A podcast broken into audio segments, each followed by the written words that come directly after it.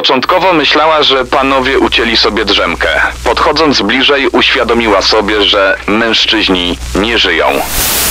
Liczyła na to, że ktoś usłyszy jej wołanie o życie. Sceny zbrodni w RMFFM. Drugi ogólnopolski zlot podcasterów kryminalnych udał nam się absolutnie. Tyle gości mieliśmy w tym podcaście, że teraz jakoś też by się taki gość przydał, wiesz? A ja myślałem, że powiesz, że do teraz dojadamy chipsy jeszcze po tym spotkaniu. też, czego niestety- oczywiście, że Ale tak. mówiłeś o gościach? Proszę bardzo. Już za moment u nas pani inspektor.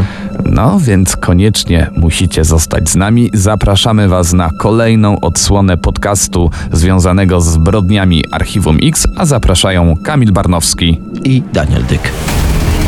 Sceny zbrodni w RMFFM. Wejdź do mrocznego świata przestępców.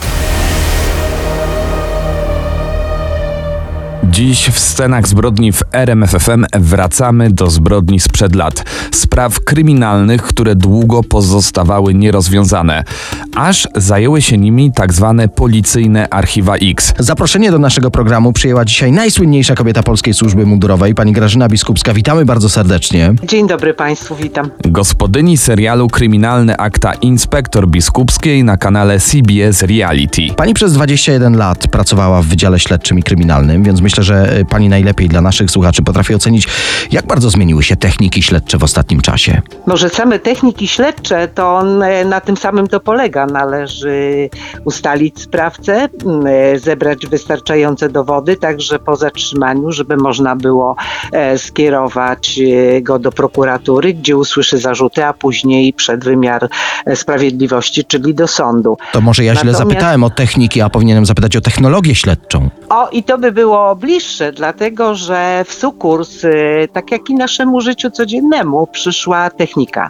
E, przyszły te osiągnięcia, z których korzystamy na co dzień. To są wszelkie systemy informatyczne policji, gdzie gromadzimy dane zarówno o tych sprawach wykrytych, jak i oczywiście o tych niewykrytych, gdzie zbiera się, tak jak w systemie AFIS, również ślady daktyloskopijne zabezpieczane na miejscu przestępstw, które nie mają w tej chwili odnośnika identyfikacyjnego, czyli nie jest ustalona osoba, która te ślady zostawiła.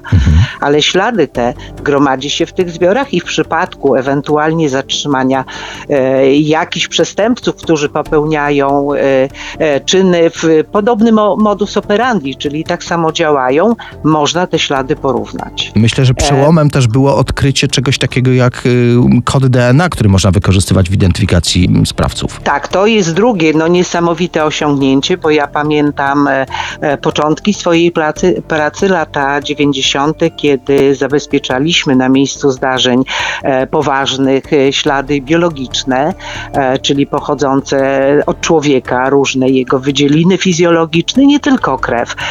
I mm, można było zbadać tylko ewentualnie przynależność grupową do e, danej osoby, czyli jak mamy te kilka grup krwi, to badania wykazywały, że faktycznie jest to no, tutaj ślad krwawy pozostawiony, przynależy do osobnika z grupą na przykład A. E, No, w tej chwili mamy już możliwość przeprowadzenia tych dogłębnych badań, które praktycznie są niepodważalne, jeśli chodzi e, ich wartość, jaką mają w procesie. Ciekawi mnie, skąd dzisiejsze archiwum Mix ma dowody, no bo kiedyś przecież nikt nie zabezpieczał śladów DNA, bo nie było takiej opcji, że kiedyś mogą się przydać. Kiedyś zabezpieczało się ślady tak samo jak teraz, bardzo rzetelnie, bardzo dokładnie.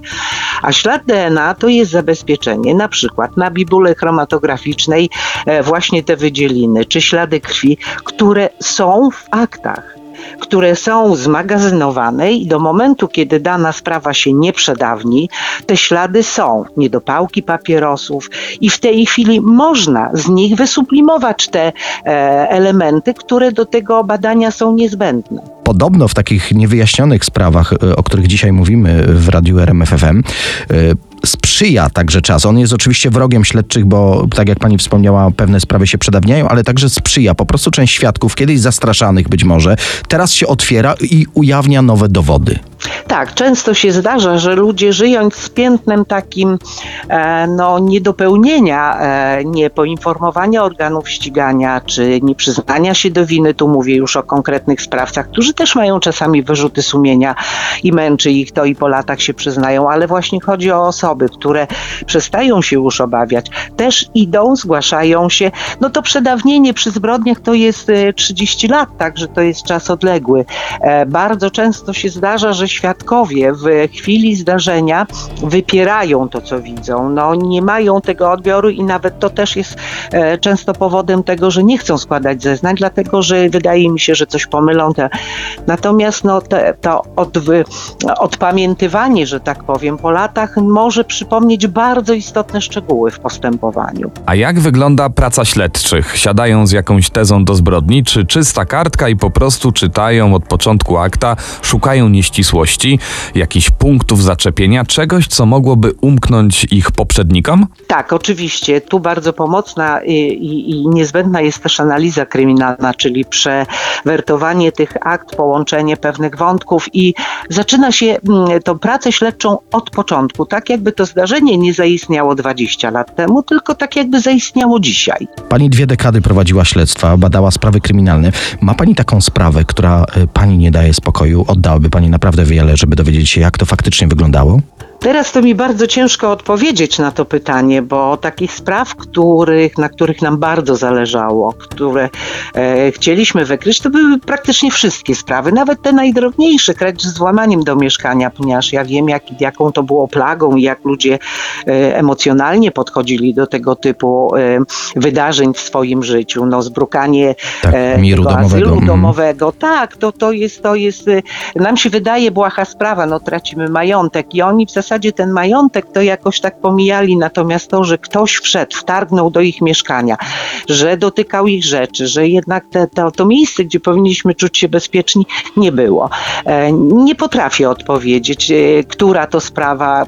Na pewno cieszyłabym się, jakby wszystkie te, które odłożyliśmy kiedyś ad acta jako niewykryte, gdyby się kiedyś udało wykryć, co prawda, no ja już nie pracuję e, 10 lat e, i myślę, że, że wiele tych spraw to już się ale są takie sprawy. Zresztą w trakcie swojej pracy, nawet nie korzystając z archiwum X, tylko z doświadczenia swojego, e, swoich koleżanek, kolegów, udawało nam się wyciągać sprawy umorzone właśnie głównie kradzieży z włamaniem, kiedy trafialiśmy na dziuplę pełną fantów, e, kiedy e, sprawca kradzieży działał podobną metodą, dopasowywaliśmy e, tę sprawę z innych rejonów Warszawy i Polski i okazało się, że można było takiemu sprawcy jednemu przypisać kilkadziesiąt, jak nie kilkaset takich samych czynów w innych miejscach. Wystartował drugi sezon serialu CBS Reality Kryminalne Akta Inspektor Biskupskiej. W tym sezonie, oczywiście nie zdradzając szczegółów, która sprawa najmocniej panią zaangażowała i czego ona dotyczyła? E, No tak chyba najbardziej przeżywałam sprawę, to jest bodajże trzeci odcinek. e, e, nie To wiem, jeszcze czy- przed nami. Mhm. Tak, to przed nami. No, nie chcę zdradzać e, szczegółów, natomiast sprawa dotyczy zabójstwa starszej kobiety, zabójstwa, którego dokonały dwie młode osoby, które para, dziewczyna i chłopak, którym pomagała, których wspierała, gdzie ta śmierć zadana z ich rąk jest jakoś podwójnie tak. E, e, bulwersująca, ponieważ no, e, odwdzięczyli jej się, pozbawiając ją- życia za kilkadziesiąt, kilka tysięcy złotych. Jeśli ktoś z naszych słuchaczy y, nie widział tego serialu, to może tylko krótko, że tam rozmawia pani z autentycznymi śledczymi prowadzącymi te sprawy, z ekspertami kryminalnymi, ale pokazujecie państwo także pierwszy raz w telewizji publicznie niektóre dowody.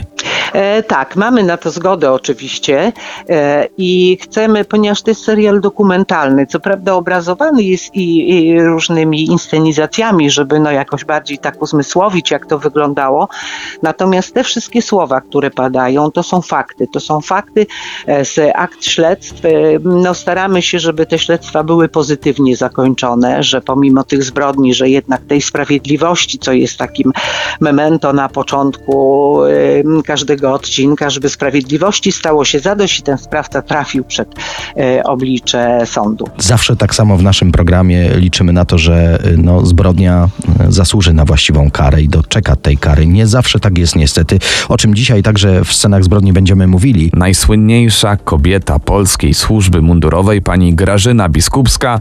Bardzo dziękujemy za rozmowę. Ja i na koniec chciałam bardzo y, serdecznie podziękować za te słowa, ale e, no, nie należą się one w pełni tylko mnie, dlatego że film to nie jest o mnie. To jest film o pracy moich kolegów, moich koleżanek, którzy właśnie zespołowo, e, z dobrym rozpoznaniem, z dobrymi umiejętnościami, no, ich praca doprowadziła do tego, że te zbrodnie zostały wykryte i osądzone. A więc jedna z wielu. Grażyna Biskupska, bardzo dziękuję za rozmowę. O, i to jest trafne. Dziękuję ślicznie. To są sceny zbrodni w RMFFM. Śledź z nami kulisy największych przestępstw. Dzisiaj zajmujemy się zbrodniami z Archiwum X. No, w tej historii jest wszystko, co fascynuje fanów historii kryminalnych. Jest okrutna, bestialska zbrodnia, jest zagadka kryminalna nierozwiązana przez lata, jest fałszywy trop, którym żyły wszystkie media i są zwroty akcji. A w końcu, dzięki policyjnemu Archiwum X, po 32 latach poznaliśmy rozwiązanie tego zawiłego śledztwa. Choć brakuje jednego. My zawsze wierzymy, że zbrodniarz zasługuje na karę, a jednak w tym przypadku nie udało się nikogo skazać. Ale nie spoilerujmy za dużo, opowiedzmy tę historię od chwili, gdy trafiła do kronik kryminalnych gazet, dokładnie końcówki lat 80. Jest przedostatni dzień sierpnia 89 roku. Łódzki Park imienia Jana Kilińskiego przy skrzyżowaniu Kilińskiego i Tymienieckiego. Poranek. Przypadkowy przechodzień. Dokładnie mężczyzna zbierający w parku puszki, by oddać je potem do skupu. To właśnie on zauważa zwłoki młodej kobiety, właściwie dziewczynki. Funkcjonariusze ustalają, że to zaledwie 15-letnia Anika. Już wstępne oględziny miejsca zbrodni ukazują dramatyzm całego zdarzenia. Na jej ciele widocznych było wiele obrażeń. Widać, że Anika walczyła o życie, broniła się. Zapewne krzyczała, licząc na to, że ktoś usłyszy jej wołanie o życie.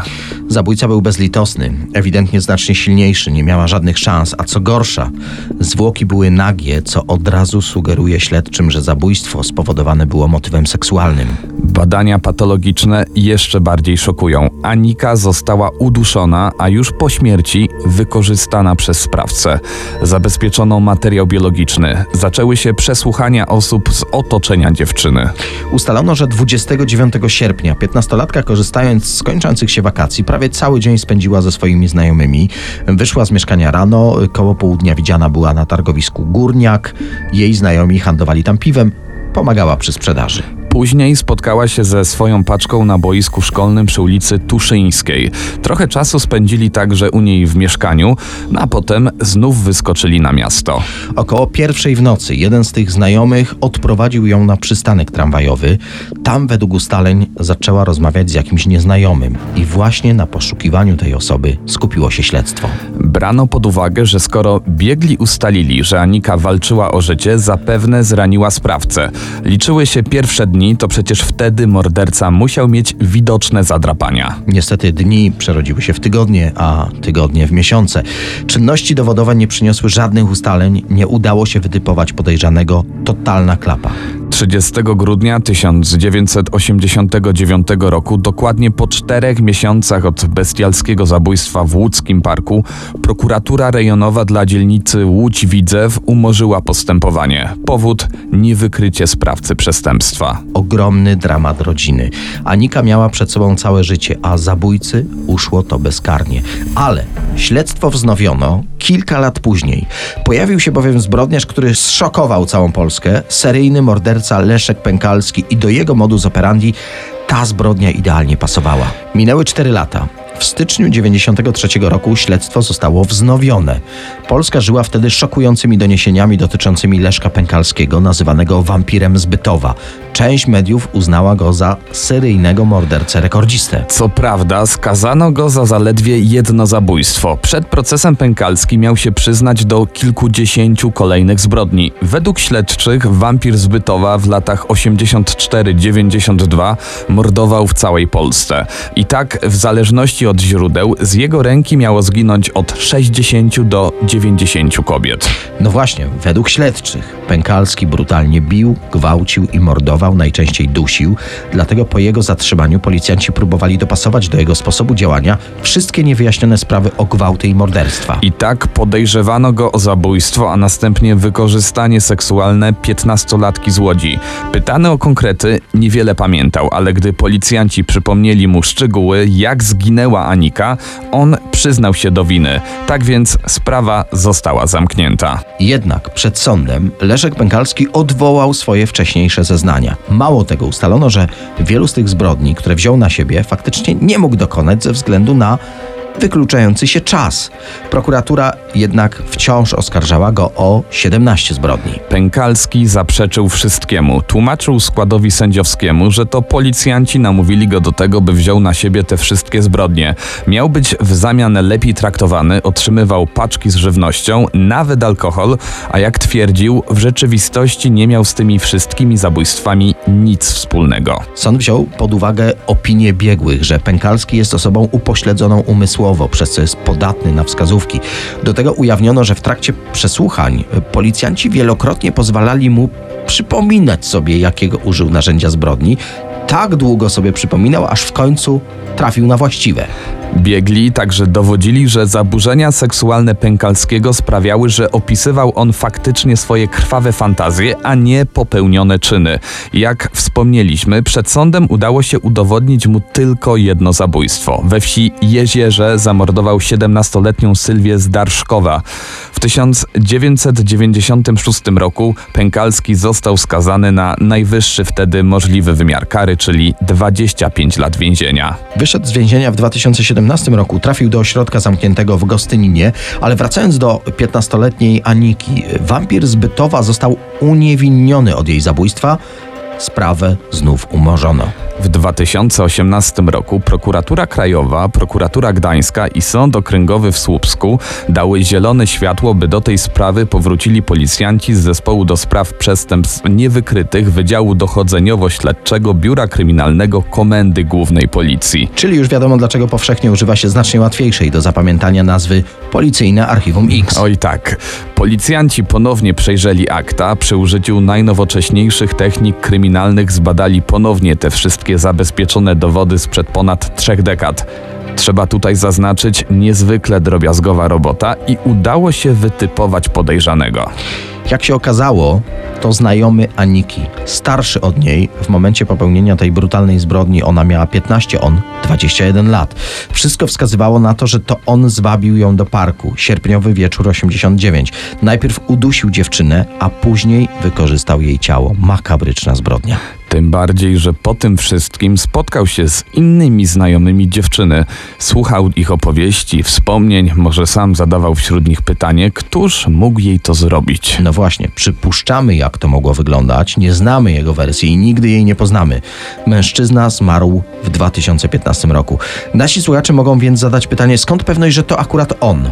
Łatwo oskarżyć, trudniej udowodnić, prawda? Jednak tu dowody są niezbite. W 1989 roku zabezpieczono szereg śladów biologicznych. Pamiętajmy, doszło do gwałtu, dziewczyna walczyła o życie. Udało się wyizolować kod DNA sprawcy. Trzeba było jednak uzyskać materiał do porównań. W grę wchodziła ekshumacja zwłok, ale wybrano inny sposób. Próbki materiału genetycznego pobrano od dzieci domniemanego sprawcy i analiza ich kodu w porównaniu z kodem sprawcy nie zostawiają żadnych wątpliwości. To ów znajomy Aniki był również jej zabójcą i gwałcicielem. Sprawa wreszcie została ostatecznie rozwiązana, choć jako, że sprawca już nie żył, trzeba było postępowanie umorzyć. Znajomy Aniki żył jak gdyby nigdy nic, miał swoją rodzinę, niestety nigdy nie odpowiedział za swoją zbrodnię. Musimy zaznaczyć, że e, w sprawie, o której za chwilę usłyszycie, nie ma jeszcze wyroku sądu. Warto jednak przybliżyć historię sprzed ponad 27 lat, która zatrzęsła Mazowszem. Jesteśmy w gminie Nowe Miasto nad Pilicą, niedaleko Rawy Mazowieckiej. Zazwyczaj bardzo spokojne miejsce, ale pod koniec lipca 94 roku okoliczni mieszkańcy byli bardzo zabiegani. Wszyscy żyli żniwami. Wiadomo, dużo pracy, dużo zamieszania, mało czasu na odpoczynek. Dodajmy do tego jeszcze, że lato 94 było wyjątkowo upalne, co na pewno nie ułatwiało pracy. W gminie Nowe Miasto nad Pilicą znajduje się wieś Strzałki, a tam znów mieszka 37-letni wtedy Stanisław W., rolnik jakich wielu w okolicy. W piątek 29 lipca 94 roku Stanisław wstał wczesnym rankiem około godziny czwartej. Jak zwykle zjadł śniadanie, nakarmił zwierzęta i ruszył w pole. Po siódmej dotarł do swojego kuzyna Bogusława S., który również prowadził gospodarstwo. Tego dnia, jak często podczas żniw, panowie mieli połączyć siły, żeby sprawnie zebrać bele słomy z pól. W pierwszej kolejności pojechali traktorem na pole w okolicach Strzałek. Panom towarzyszyła jeszcze ich ciocia, pani Katarzyna. Praca poszła bardzo sprawnie. Około godziny ósmej Katarzyna zostawiła współpracowników, panowie mieli dokończyć załadunek, a ona przygotować stodołę na transport słomy. Cała trójka po rozładunku miała pojechać na kolejną działkę, tym razem w okolicach wsi Wierzchów. Droga Katarzyny do gospodarstwa trwała jakieś kilkanaście minut. Kobieta zgodnie z umową przygotowała wszystko na transport słomy, ale traktor nie przyjeżdżał. Nasłuchiwała, nasłuchiwała. Po godzinie takiego oczekiwania Katarzyna wsiadła sama na rower i wróciła na pole w strzałkach, jednak nikogo tam nie zastała. Kobieta poprosiła więc sąsiada, żeby pojechał samochodem do wsi Wierzchów, skąd rolnicy później też mieli zwieść słomę. Tam również nie było śladu po kuzynach ani po traktorze. Cała sprawa stawała się coraz bardziej niepokojąca. Pani Katarzyna postanowiła więc ponownie pojechać na pole w Strzałkach, gdzie ostatni raz widziała Stanisława W. i Bogusława S. Kobieta przypomniała sobie, że pole, na którym pracowali, układa się w literę L. Poszła więc zobaczyć ten fragment pola, który nie jest widoczny z drogi. Katarzyna uspokoiła się, widząc ciągnik z przyczepą pełną słomy. Zauważyła również leżących kuzynów. Początkowo myślała, że panowie ucięli sobie po prostu drzemkę. Podchodząc bliżej, uświadomiła sobie, że mężczyźni nie żyją. Co więc wydarzyło się na polu w okolicach Strzałek podczas żniw w 94 roku? Bogusław S. i Stanisław W. zostali znalezieni martwi na polu, z którego zbierali słomę. Rolnicy mieli związane za plecami ręce. Bogusław miał jeszcze związane nogi i zakneblowane usta. Panowie byli rozebrani z koszuli, zginęli od postrzału z pistoletu w głowę. Wszystko wyglądało na zaplanowaną egzekucję mafijną. Na ciałach rolników nie znaleziono żadnych śladów walki. Bogusław S. i Stanisław W. musieli zostać zaskoczeni, a potem zamordowani z zimną krwią. Wszyscy zadawali sobie pytanie, dlaczego taki los spotkał zwyczajnych rolników, bez konfliktów, bez długów, z bardzo dobrą opinią w okolicy. Trzeba przyznać, że w okolicy zapanowała wtedy psychoza strachu. Każdy przyjezdny był traktowany jako potencjalny morderca.